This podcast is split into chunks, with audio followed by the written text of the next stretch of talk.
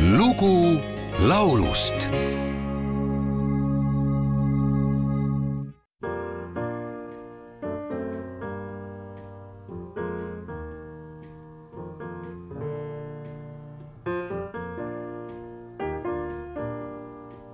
I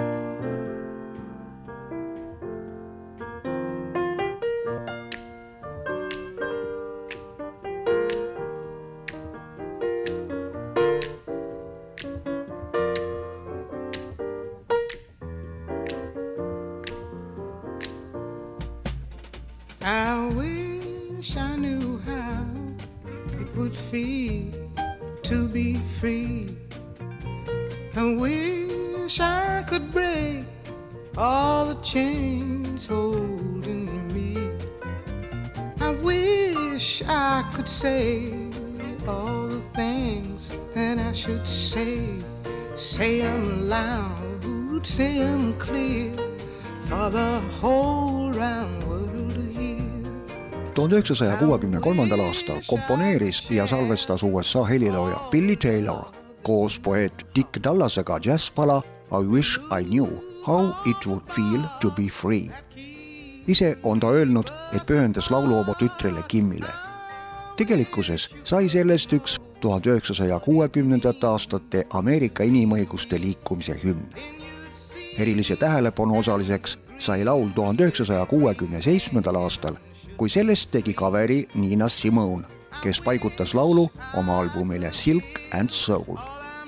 tuhande üheksasaja kolmekümne kolmandal aastal kaheksalapselises peres sündinud mustanahaline Nina Simone, ristinimega Eunice Kathleen Waymon, oli USA lauljatar, laulu autor, pianist ja inimõiguste aktivist, kelle stiilideks olid folk, gospel, bluus, džäss rütmibluus ja popp.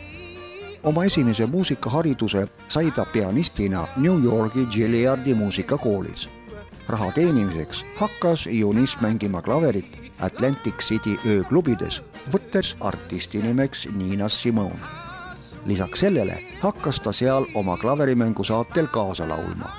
kõik, mis edasi juhtus, on juba ajalugu oma karjääri jooksul jõudis Simone avaldada nelikümmend albumit kahe tuhande kaheksateistkümnendal aastal pääses Nina Simone posthuumselt rock n rolli kuulsuste halli ja ajakiri Rolling Stone hindas ta kõigi aegade saja parima laulja nimekirjas kahekümne üheksanda koha vääriliseks.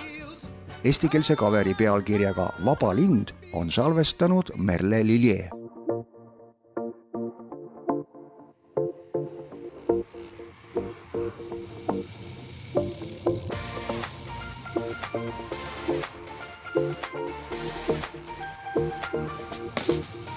kas heaks kiita kõik, mis aeg mul kätte toob? Või veel olla võib? Mulgi soov, mu oma soov. kui saaks rebiksen nagu lind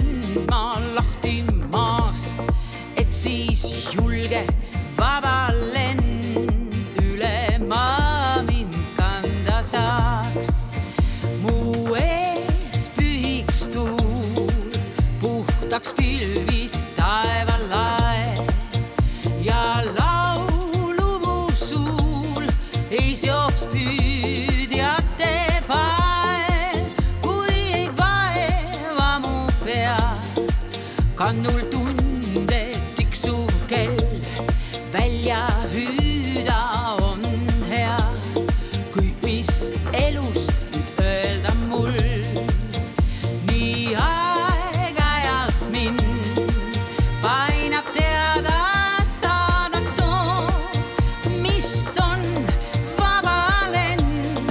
mis ta hind ja kullaproov, kui see pole see ei ma peidan rüppekäe, uue alguse ma teen, kas või iga tund või iga päev.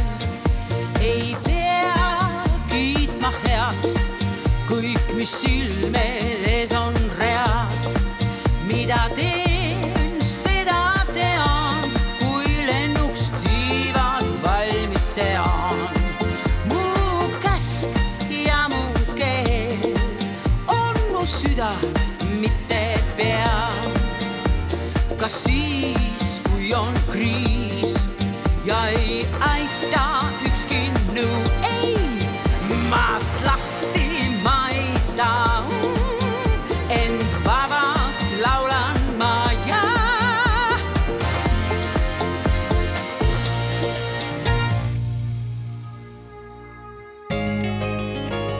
lugu laulust